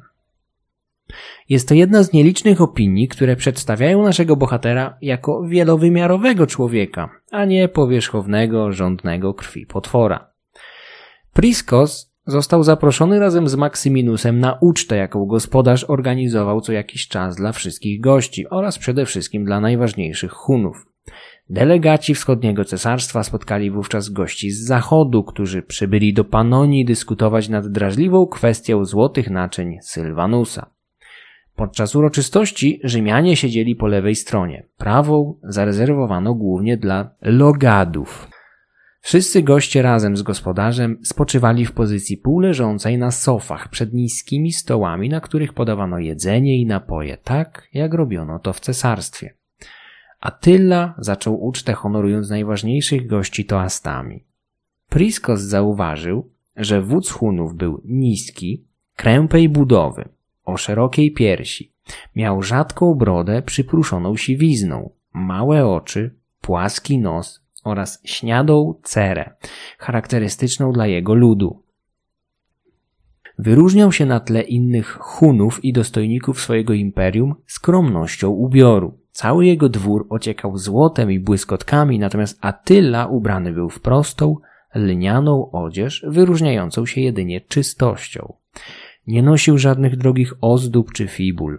Wszyscy biesiadnicy pili ze złotej lub srebrnej zastawy, zaś on zadowalał się prostym kubkiem z drewna i taką samą miską. Po chwili na sali pojawili się artyści bawiący zgromadzonych grą i śpiewem. Byli także jacyś hunowie recytujący podniosłe utwory opywające szlachetne dokonania na placu boju. Priskos zauważył podczas ich występu, że kilku starszych wiekiem hunów wzruszyło się do tego stopnia, że zaczęli cicho płakać, zapewne wspominając odległe czasy swojej młodości. Po chwili, dla kontrastu, na scenę wkroczył karzeł Zerkon – ten sam, który niegdyś usiłował bezskutecznie uciec od bledy, za co po schwytaniu został wynagrodzony przez swego pana piękną małżonką. Po śmierci Bledy Zerkon uciekł czym prędzej od Hunów, tym razem skutecznie, wiedząc, że nie spotka go nic dobrego na dworze nieznoszącego go Atylli. Zerkon zatęsknił jednak za swoją małżonką. Postawił wszystko na jedną kartę i powrócił do Hunów, prosząc Attylę o możliwość połączenia się z żoną. Wódz nie zezwolił mu na to i dalej okazywał swą pogardę, ale nie pozbawił go życia. Na uczcie Zerkon wystąpił w roli błazna, bawiąc wszystkich zgromadzonych swoimi wygłupami. Wszystkich za wyjątkiem Attyli, którego twarz, zdaniem Priskosa, nie zdradziła żadnych uczuć poza zmęczeniem uprzykrzonym karłem. Podobnie podczas występów innych artystów, wódz Hunów nie dał po sobie poznać żadnych emocji. Naprzeciwko niego zasiadali dwaj z jego licznych synów, Ellak i Dengizik. Żaden z nich nie śmiał jednak spojrzeć w oczy ojcu, który okazywał im wyjątkową pogardę. Ellak był wyznaczony na wodza świeżo podbitych akacyrów, ale jadąc do nich spadł z konia i złamał sobie rękę. Z tego powodu musiał niedawno powrócić na dwór ojca, który z całą pewnością nie mógł być zadowolony z pechowego syna. Attila zupełnie inaczej traktował jednak najmłodszego syna Ernaka, który podszedł do niego w trakcie biesiady. W tym jednym, jedynym momencie Priskos zauważył zmianę na kamiennej twarzy Attyli, który widząc blisko Ernaka uśmiechnął się i zaczął czule gładzić jego policzki. Jeden z Hunów siedzących blisko Priskosa wytłumaczył mu, prosząc jednocześnie o zachowanie tajemnicy, że jacyś wróżbici przepowiedzieli kiedyś Atylli, że jego imperium rozpadnie się, ale wskrzesi je właśnie ten, najmłodszy syn. Podczas pobytu u Hunów Priskos poznał jedną z licznych żon Attyli, Krekę, która gościła dyplomatów u siebie. Mieszkała razem ze swoim mężem, zajmowała jednak odrębną część dworu, miała swoje komnaty i własną służbę. Posłowie jedną noc spędzili także u byłej małżonki zmarłego Bledy, której imienia nie zanotowali. Również ona mieszkała we własnym dworze, posiadała rozległe włości z kilkoma wsiami, liczną służbę i majątek. Wdowa po bledzie przyjęła dyplomatów na kolacji, oferując im jadło oraz towarzystwo młodych, atrakcyjnych kobiet, które miały spędzić z nimi noc. Priskos skrzętnie zanotował, że dyplomaci chętnie skorzystali z jadła, ale dziewczęta odprawili, jak przystało dobrym chrześcijanom. Czy tak było naprawdę? Nie wiemy. Priskos poznał licznych rzymskich niewolników żyjących na dworach Attyli i jego popleczników. Tuż po swoim przybyciu był świadkiem błyskawicznego sądu na dwóch niewolnikach, którzy podczas jakiejś bitwy skorzystali z chaosu na polu walki i zamordowali swojego chuńskiego pana. Zostali jednak przyłapani na gorącym uczynku i rozkazem Attylli bez zwłoki okrutnie zamordowani. Podczas wizyty u Onegezjusza Priskos poznał dwóch innych niewolników pojmanych jeszcze w 441 roku, a więc przed ośmioma laty. Pierwszym był rzymski architekt z Sirmium, który dzięki swoim umiejętnościom przedstawiał dla Onegezjusza dużą wartość. Miał więc na jego zlecenie wybudować mu kamienną łaźnię w samym sercu drewnianego obozowiska stojącego pośrodku panońskiej puszty. Kamień do budowy ściągano setki kilometrów. Po jakimś czasie łaźnia stanęła, zaś architekt miał szczerą nadzieję, że w dowód uznania zostanie przez Onegezjusza wyzwolony.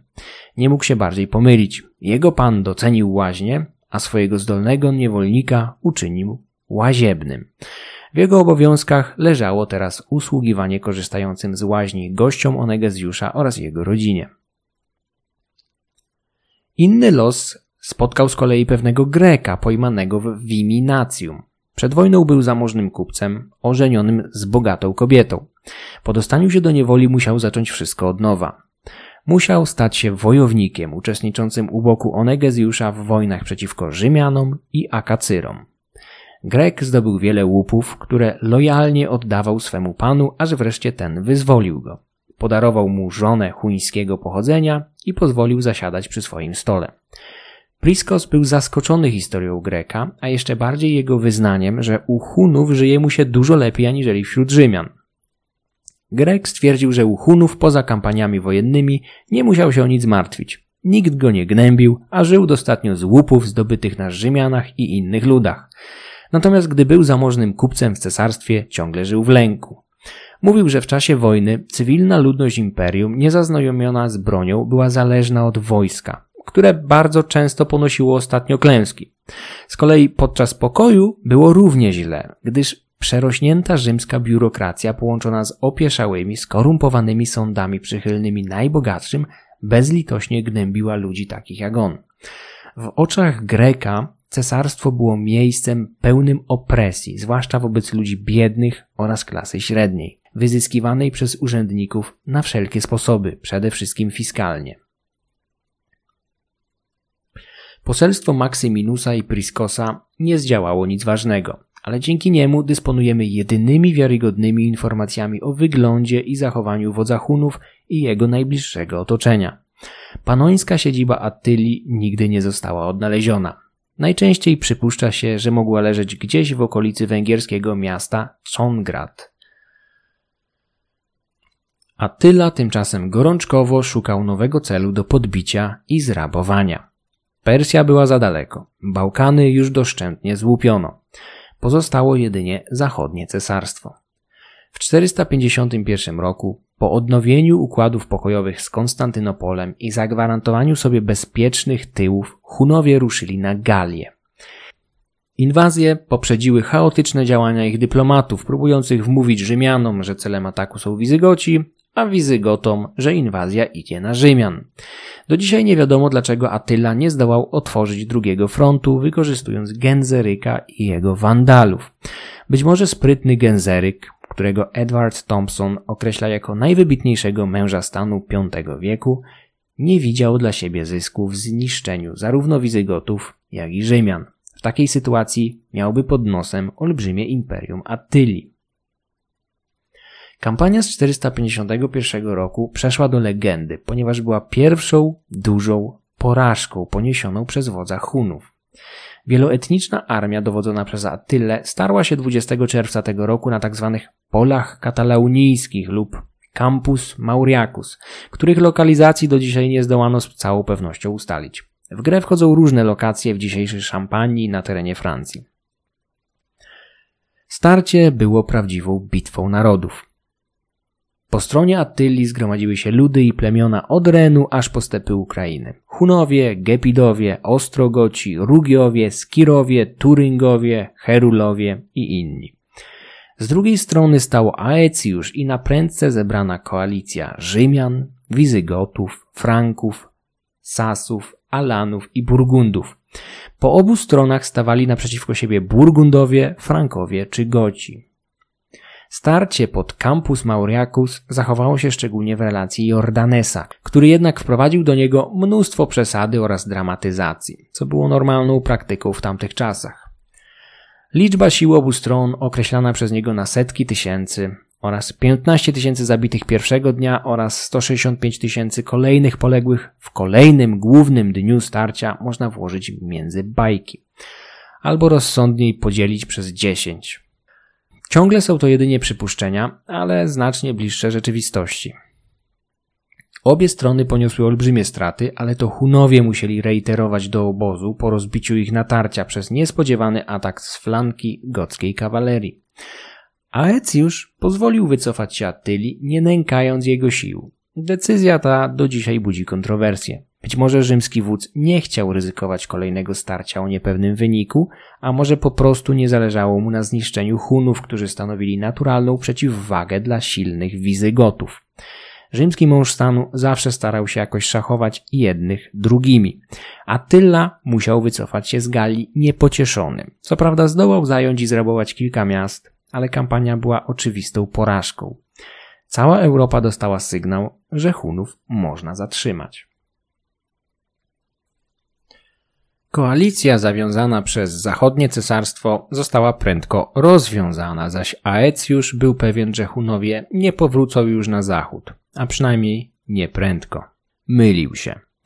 Już wiosną 452 roku przez niestrzeżone przełęcze alpejskie przelała się kolejna armia inwazyjna.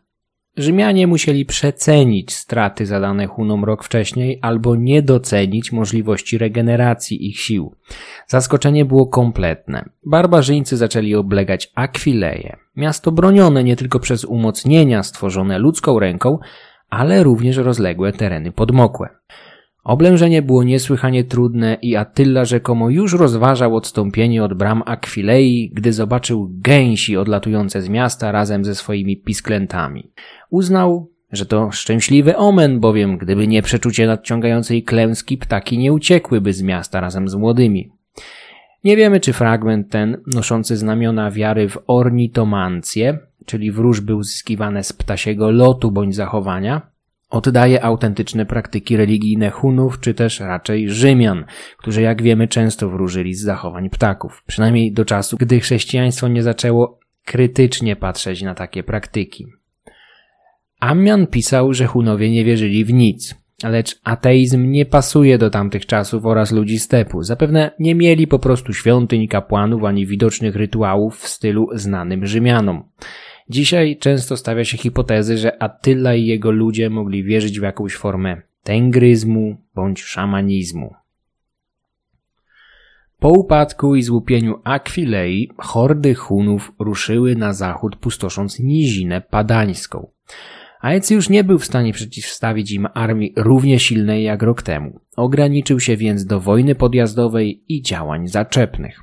Hunowie dotarli aż do Mediolanu, który zajęli i zrabowali, jak wiele innych miast tamtego lata. W Mediolanie, będącym jeszcze niedawno stolicą imperium, musieli znaleźć stosowną rekompensatę poniesionych trudów. Podanie głosi, że w jednym z tutejszych pałaców Attila miał zobaczyć malowidło przedstawiające jakiegoś rzymskiego cesarza odbierającego hołd barbarzyńskich królów. Wódz Hunów nakazał przerobić obraz tak, aby przedstawiał jego samego. U jego stóp zaś mieli pojawić się cesarze wschodu i zachodu, sypiący mu złoto. Rabunek Italii trwałby w najlepsze, ale gdzieś w środku upalnego lata, w drodze do samego Rzymu, niezwyciężony w tej kampanii Attila zarządził nagły odwrót. Miał on nastąpić tuż po rozmowie z poselstwem prowadzonym przez biskupa Rzymu Leona I. Chrześcijańska tradycja od setek lat robi z tego spotkania, o którym nie wiemy nic pewnego poza tym, że miało miejsce, wielkie osiągnięcie papieża Leona. W skrajnych wersjach Leon miał nawet nawrócić Atylę bądź przerazić go wizją boskiej zemsty. Ale znacznie ważniejsze są poszlaki sugerujące inny powód wycofania się woza Hunów. Po pierwsze, od dwóch dekad Wandalowie okupowali Afrykę, znacznie redukując dostawy zboża do Italii, która niejednokrotnie cierpiała z tego powodu głód. Tak było choćby w 451 roku, gdy Aecjusz ruszał do Galii walczyć z hordami Attyli. Nie inaczej musiało być w roku 452. Zwłaszcza, że najeźdźcy wdarli się do Italii wiosną, a podbój kontynuowali latem i wczesną jesienią, uniemożliwiając zbiory na terenach objętych działaniami zbrojnymi. Wiemy też, że Hunowie nie mogli się pochwalić zbyt dobrze rozwiniętą logistyką. Dla przykładu, gdy Aecjusz wiele lat wcześniej ściągał co jakiś czas zaciężne kontyngenty Hunów, sam musiał zapewnić im żywność. Po drugie, nieodłącznym towarzyszem głodu jest zaraza. Co prawda, zazwyczaj nadciąga z opóźnieniem, spadając na organizmy osłabione niedoborem żywności. Zawsze sprzyjają jej jednak gwałtowne przemieszczenia mas ludzkich, a w przypadku najazdu Hunów takie zdarzenia musiały mieć miejsce. Mamy również informacje o tym, że zaczęły w 452 roku w Italii wybuchać zarazy. Po trzecie wreszcie, na tyły Hunów spadł niespodziewany przeciwnik. Rok wcześniej, podczas polowania, nieszczęśliwie spadł z konia cesarz Konstantynopola, Teodozjusz II. Prawdopodobnie doznał poważnego urazu kręgosłupa. Zmarł dwa dni po wypadku. Na tronie zastąpił go wojowniczy Marcjan, który tylko czekał okazji, aby zrzucić zależność od Hunów. Taka nadeszła w 452, gdy Attila utknął w Italii, oblegając kolejne miasta i trwoniąc armię podczas walk, głodu i zarazy. Wtedy też wojska wschodnio-rzymskie przekroczyły Dunaj i zaczęły palić Panonie. Oczywiście taka inwazja nie miała zbyt dużej wartości, gdyż w kraju Hunów nie było potężnych warowni do zdobycia, rozległych miast do obrócenia w perzynę, ani skarbów do zrabowania. Ludność zaś w dużej mierze koczownicy mogła uciekać przed Rzymianami. Zawsze jednak dochodziło do jakichś strat. Attila musiał czym prędzej wrócić. Na pewno planował zemstę, która spadłaby najprędzej na wojowniczego Marcjana. Cesarz wschodu dostał nawet od Attyli list, w którym tamten informował go z wyprzedzeniem, że w odpowiedzi na zaległości w uiszczaniu trybutu spadnie na jego domeny i zniewoli jego poddanych. Nie zdążył jednak zrealizować swojej obietnicy, gdyż wiosną 453 roku zmarł nagle. Okoliczności jego śmierci były takie same jak jego życie. Gwałtowne, krwawe i tajemnicze. Tak dla nas, jak i jego współczesnych. W marcu 453 Attila miał brać ślub z kolejną już małżonką, której imię Jordanes na podstawie Priskosa podaje jako Ildiko. Zapewne była to jakaś Germanka o imieniu Hildiko. Wiemy o niej niewiele. Miała być młoda i wyjątkowo piękna. Jordanes pisze, że Attila po suto zakrapianej uczcie weselnej udał się wraz z Ildiko na spoczynek do odrębnej komnaty. Nad ranem biesiadnicy i dworzanie oczekiwali w niecierpliwości pary młodej, a gdy przez dłuższy czas nikt nie wyszedł z komnaty, za drzwi zaś nie dochodziły żadne odgłosy, postanowiono wedrzeć się do środka siłą. Po wyważeniu drzwi oczom zgromadzonych ukazał się zatrważający widok.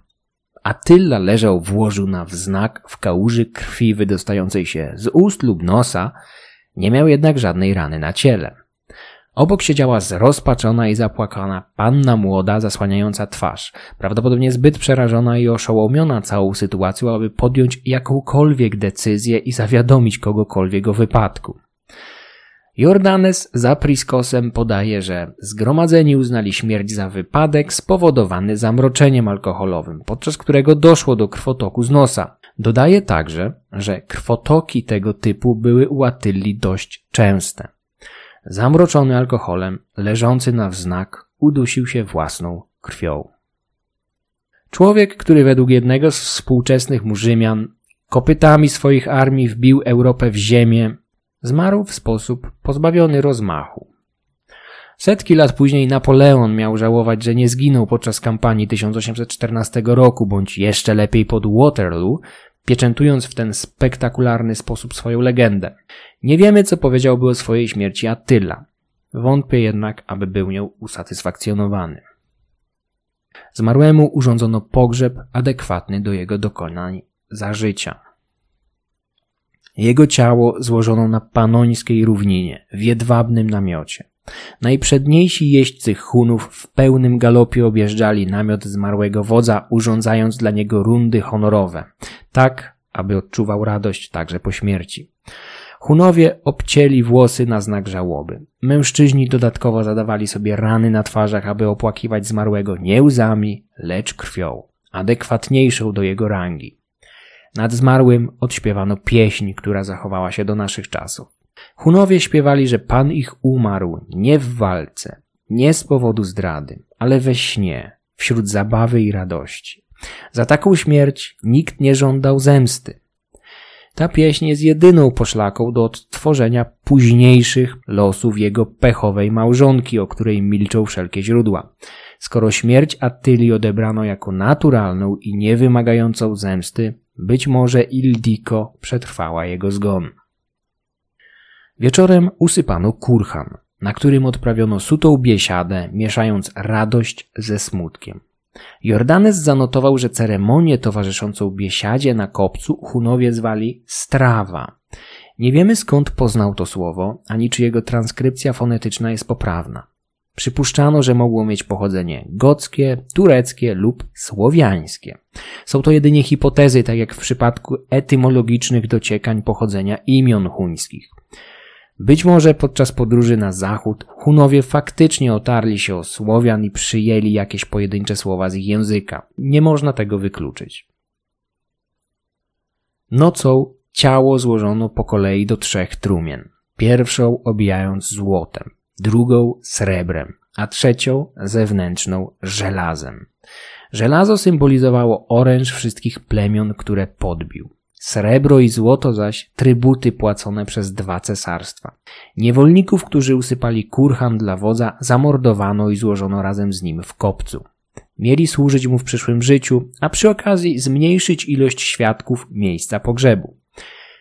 Nie była to w owych czasach niespotykana praktyka. W 410 roku podobnie postąpili Goci z ludźmi grzebiącymi zmarłego Alaryka. Dokładne miejsce pochówku Alaryka, podobnie jak lokalizacja grobu Attyli, pozostaje do dzisiaj tajemnicą. Jak zawsze w takich sytuacjach wokół zgonu Attyli zaczęły krążyć przeróżne plotki, najczęściej podważające naturalność śmierci. Najpotężniejszy człowiek na kontynencie, trzęsący dwoma cesarstwami, miał umrzeć we śnie? Niemożliwe. Podejrzenia padły oczywiście na młodą małżonkę. Z czasem powstały różne teorie spiskowe o zaskakującej żywotności. W podaniach ludów germańskich aż po Skandynawię znajdujemy liczne pieśni, z których najsłynniejsza jest ta o Nibelungach, wspomniana przeze mnie na początku odcinka. W tym utworze Ildiko jest mściwą Krymhildą. Burgundzki król Gundahar, zabity przez Hunów, staje się jej bratem Gunterem, tutaj z kolei zamordowanym przez Attyllę, występującego pod imieniem Ecel. W starszych utworach spotykamy nie Ecela, lecz Atliego. Attila był najpotężniejszym barbarzyńskim wodzem, jaki stanął u granic Cesarstwa Rzymskiego, ucieleśniając najgorsze obawy tak Rzymu jak Konstantynopola. Wbrew temu, co pokazuje nam popkultura, przez setki lat najcięższe boje Rzymianie toczyli nie na północy, lecz na wschodzie, najpierw z Partami, a potem z Persami. Nad Renem i Dunajem spadały na nich niejednokrotnie klęski, czasem poważne, ale na korzyść cesarstwa przemawiał istotny fakt. Na północy nie powstał żaden silny organizm polityczny, który mógłby rzucić cesarstwu wyzwanie na równych warunkach. Zdarzały się problemy, ale nie było zagrożenia tak poważnego jak imperium Hunów, którzy zjednoczyli pod swoim jarzmem na krótko co prawda, dużą część lokalnych plemion, zwłaszcza germańskich, dodatkowo zalewając imperium tysiącami uchodźców. Wobec zagrożeń z północy Rzymianie zawsze stosowali działania prewencyjne, dusząc potencjalnych konkurentów w zarodku. Nieważne czy zagrożeniem tym był Marbot czy Decebal. A tyli nie zdążyli zniszczyć na czas. Hunowie trzymali w ryzach potężną siłę, która miała teraz się rozpaść, a to zwiastowało okres niepokojów i brutalnych wojen. Zamiast walk z jednym silnym przeciwnikiem, oba cesarstwa musiały się teraz nastawić na liczne lokalne konflikty z poszczególnymi plemionami rwącymi się do niezależności. Zniknęła także przeciwwaga dla coraz silniejszych Gotów. Zaraz po śmierci Attylli przez rzymskie granice zaczęły się przelewać kolejne fale migrantów. Tym razem uciekali oni przed wojną domową, jaką w sercu wielkiego imperium rozpętali jego synowie Ellak, Ernak i Dengizik. Jordanes uważał, że upadek imperium Hunów był błyskawiczny, ale w rzeczywistości mógł to być proces rozłożony na co najmniej kilka lat bądź dekadę. Osłabieni wewnętrznymi konfliktami Hunowie tracili krew w bratobójczych wojnach. Jednocześnie wypuszczając kontrolę nad najbardziej oddalonymi od niziny węgierskiej plemionami. Bez wątpienia wielką uwagę miała bitwa nad rzeką Nedao, do jakiej doszło gdzieś w kotlinie panońskiej w 454 roku. Hunowie, zjednoczeni na moment pod wodzą najstarszego syna Attyli, Ellaka, stanęli razem z licznymi jeszcze sprzymierzeńcami przeciwko zbuntowanym plemionom, na których czele miał stać Ardaryk, król Gepidów, Jordanes opisał bitwę następującymi słowami.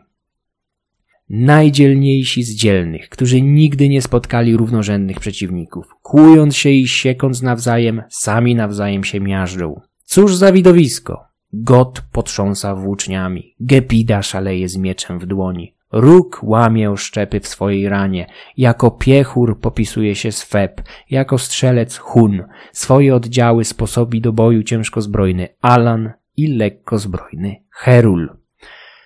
Ustąpili zatem Hunowie, przed którymi, jak mniemano, ustępował cały rodzaj ludzki. Jak zgubną rzeczą jest rozłam.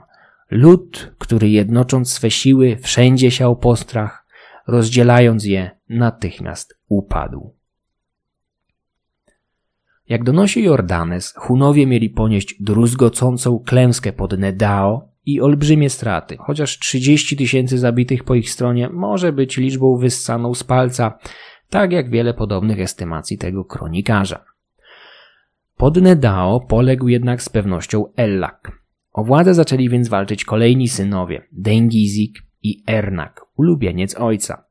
Nie zdołali już odbudować potęgi, jakiej świadkami byli sami jeszcze przed kilkoma laty, a kolejne plemiona wymykały im się z rąk. Ernak miał podjąć wyprawę przeciwko zbuntowanym Gotom, został jednak pobity tak sromotnie, że ze znacznie już pomniejszonymi siłami uciekł za Karpaty na stepy czarnomorskie. Pannonia była wówczas prawdziwym pandemonium, w którym trwał konflikt wszystkich ze wszystkimi. Osłabieni Hunowie nie mogli znaleźć w niej stałego miejsca. Los Dengizika był bardziej ponury. Rządził przez jakiś czas swoją własną hordą gdzieś w dorzeczu Cisy. Porwał się na wyprawę przeciwko Ostrogotom, którzy mieli wówczas walczyć z jakimiś niezidentyfikowanymi sadagami. Dengizik przeliczył jednak swoje siły i podobnie jak Ernak kilka lat wcześniej został pobity przez Gotów. Przetrwał jednak tę porażkę i kilkanaście lat później znowu pojawił się w kronikach. W 468 roku miał być autorem poselstwa żądającego od ówczesnego cesarza bizantyjskiego Leona I ziemi i złota w zamian za obronę cesarstwa. Z jakichś powodów cesarz nie skorzystał z usług Dengizika. Ten zaś w odpowiedzi przekroczył Dunaj, gdzie zwyczajem ojca i dziadów zaczął palić, gwałcić i rabować. Do inwazji zaprosił brata Ernaka, ale ten miał odmówić, uzasadniając to tym, że wystarczy mu licznych wojen, jakie musi toczyć we własnym królestwie. Dengizik poszedł więc na Rzymian sam. Na spotkanie krewkiemu Hunowi wyszły rzymskie oddziały dowodzone przez niejakiego Anagasta, syna Arnegisklusa, tego samego, który dzielnie walczył i poległ w bitwie pod Utus przeciwko Attylii. Po 22 latach, w 469 roku, niedaleko pola bitwy pod Utus, spotkali się więc synowie tamtych kombatantów, Dengizik i Anagast. Syn Attylii pogardliwie zlekceważył żądanie odejścia wystosowane przez rzymskiego generała, oznajmiając, że będzie rozmawiał jedynie z cesarzem. Do rozmów na tak wysokim szczeblu nie został jednak dopuszczony. Zamiast tego wojska Anagasta podjęły się rozwiązania siłowego. Dengizik został pokonany i zabity. Jego głowę odrąbano i wysłano do Konstantynopola, gdzie wbita na palu przy jednej z bram miasta cieszyła gawieć jakiś czas. W końcu niecodziennie ogląda się głowy synów Attylli, nawet w mieście tak pełnym atrakcji jak Konstantynopol. Tymczasem ukochany syn Attyli, Ernak, również nie mógł sobie poradzić ze spadającymi na niego klęskami i buntami poddanych. W końcu z niewielką grupą popleczników zdołał wybłagać u cesarza azyl i skrawek ziemi w zamian za służbę wojskową dla imperium, któremu jego ojciec wyrządził tyle nieszczęść. Nie wiemy jak i kiedy umarł, ale wiele lat po jego śmierci przygarnęli go niespodziewanie Bułgarzy, którzy wśród swoich pierwszych jeszcze legendarnych władców wymieniają niejakiego Irnaka, utożsamianego przez niektórych z Ernakiem, synem Attylli. Mimo tego wydaje się, że wróżbici się pomylili. Ernak nie wskrzesił imperium ojca. Hunowie nie zniknęli z Europy kompletnie. Powrócili jednak do pierwotnego stanu, podzieleni na liczne plemiona rządzone przez niezależnych kaganów. Ich relacje z cesarstwem były, delikatnie mówiąc, ambiwalentne. Jedni Hunowie zaciągali się na służbę Konstantynopola, inni zaś napadali na jego domeny. Nigdy jednak nie stanowili już takiego zagrożenia jak za czasów Attylii. Prokopiusz z Cezarei będzie wspominał Hunów służących w armii cesarstwa jeszcze w VI wieku podczas rekonkwisty Zachodu prowadzonej przez Belizariusza. Finalnie kres odrębności Hunów w Europie przyszedł nie z południa od Rzymian, ale w efekcie pojawiania się kolejnych ludów stepowych nadciągających z tego samego kierunku, z którego oni sami przyszli końcem IV wieku. Hunowie po prostu rozpłynęli się w powodzi plemion ciągnących ze wschodu. Już w latach 65 wieku na dworze nad Bosforem pojawili się wysłannicy od nieznanych ludów koczowniczych. Najpierw Saragurzy, Ugurzy i Onogórowie, którzy ruszyli na zachód ścigani przez silniejszych od nich Sabirów. Ci ostatni zaś sami byli uciekinierami. Po piętach deptał im bowiem tajemniczy lud Awarów. Konstantynopol musiał się liczyć z powtórką historii. Awarowie mieli się okazać przeciwnikiem równie niewdzięcznym jak Hunowie, których w końcu wchłonęli po drodze. Dzieje Awarów są jednak materiałem na inną opowieść. Treść przygotował i przeczytał Michał Kuźniar. Wszystkie wykorzystane źródła znajdziecie w opisie odcinka. Podcast Mroczne Wieki można wspierać na patronite.pl łamane na Mroczne Wieki. Serdecznie dziękuję wszystkim patronom.